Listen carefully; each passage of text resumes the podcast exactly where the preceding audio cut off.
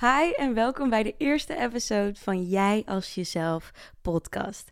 Ik ben jullie host, Jayeus. En als je mijn introductie al hebt gehoord, dan weet je waar deze podcast over gaat. Maar ik dacht, ik vertel jullie nog een beetje over wie ik ben. Als je me volgt op de socials, dan weet je al een beetje wat ik doe. Maar voor de mensen die hier nieuw zijn, nou, ik ben Joyeus. Ik ben 27 jaar. Ik uh, woon in Amsterdam. Ik ben in het dagelijks leven zangeres, danseres en actrice. En ik mag ook van geluk spreken dat dat gewoon ja, mijn baan is. Dus ik sta echt gewoon op de planken. Uh, wat ja, super tof is. En daar ben ik echt super blij mee. Uh, ja, ik ben dus heel actief op de socials. Waar ik heel veel praat over mental health, self-development. Ja, je leven leven zoals jij het gewoon hoort te leven. En daarbij tips te geven aan de hand van dingen die ik dus heb meegemaakt. Ja, ik wil dit dus al heel lang doen, jongens. Ik wil echt al heel lang een podcast beginnen. Ik denk echt al een jaar, anderhalf jaar of zo. Misschien zelfs twee eigenlijk. Maar elke keer dan begin ik erover met vriendinnen. En dan hebben we een idee. En dan ben ik al helemaal van... Oké, ja, dan ga ik de socials opzoeken. Ga ga kijken van wat we daar kunnen doen. Noem maar op. Ik ben dan super enthousiast. En elke keer dan gebeurt het niet. En het gebeurt elke keer niet, omdat ik eigenlijk de enige ben die er zo enthousiast over is en er eigenlijk mee wil beginnen maar de ander niet. dat klinkt zo zielig, maar dat is gewoon zo. Het is een ambitie niet, dat willen ze niet per se. Ze vinden de gesprekken die we leuk vinden met elkaar superleuk. Ja, zo'n hele podcast en zo, dat hoeft voor hun helemaal niet. En ja, dat kan je ook iemand niet dwingen. Maar toen dacht ik, ja, maar ja, ik kan niet elke keer gaan wachten totdat ik iemand vind om het mee te doen. Dat werkt gewoon niet.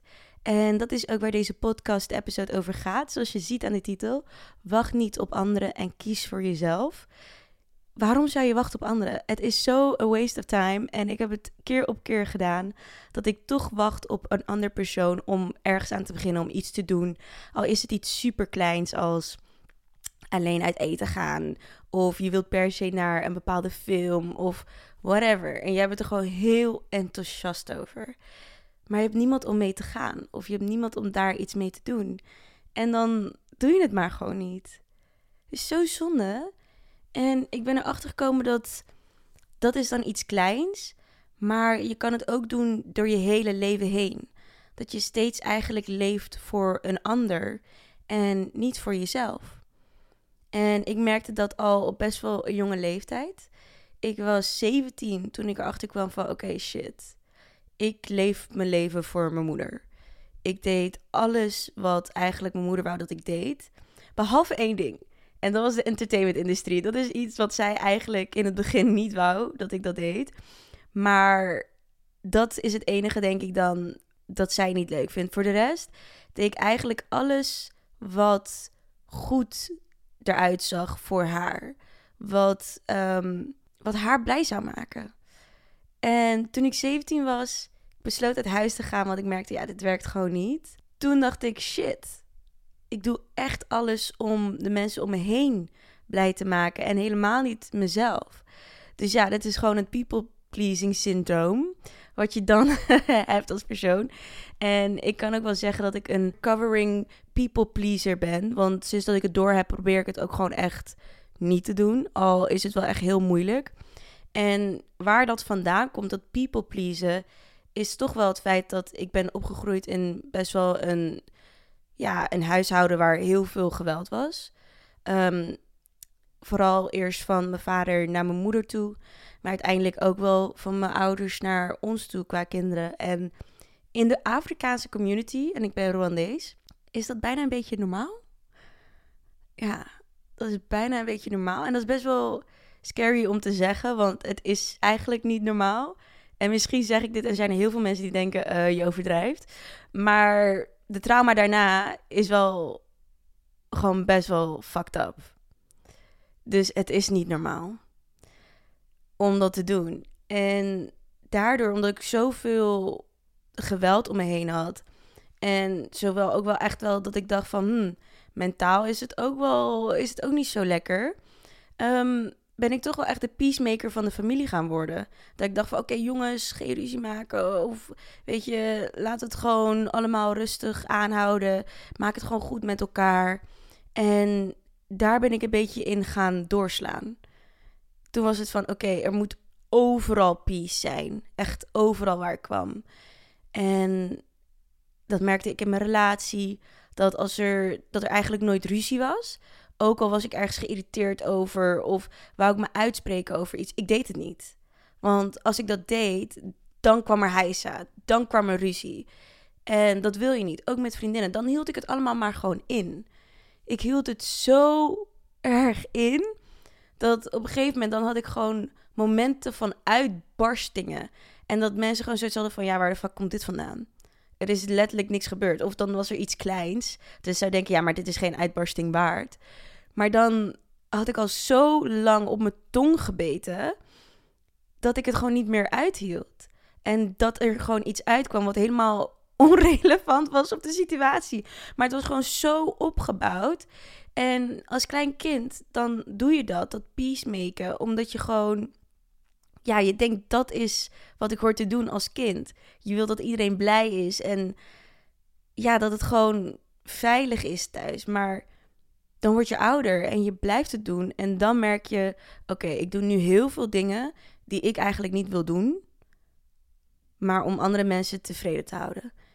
En dan ga je er zelf onderdoor.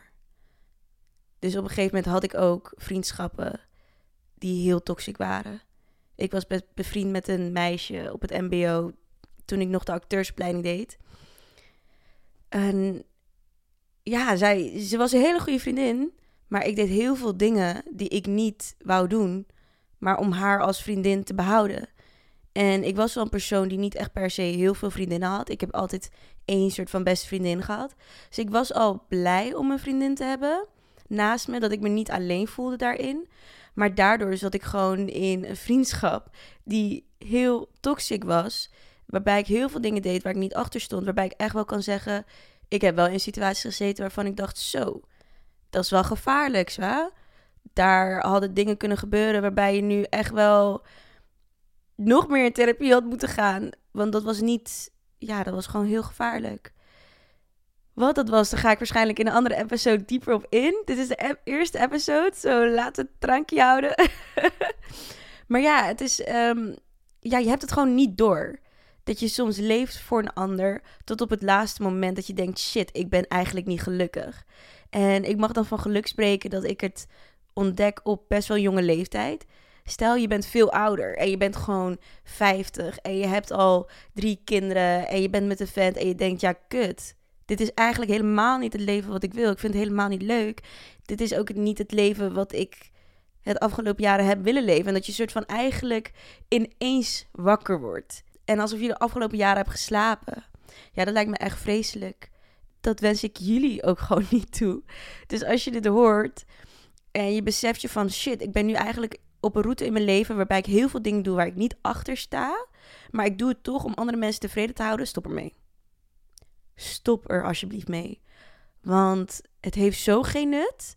Want al die andere mensen, ze geven je advies en ze willen ook het beste voor je, familie of vrienden. Maar uiteindelijk is het ook gewoon gebaseerd op hoe zij zich voelen en wat voor mening zij hebben over dat onderwerp. Dus het is allemaal vanuit zichzelf. En uiteindelijk ben jij de enige persoon die weet wat goed voor jou is.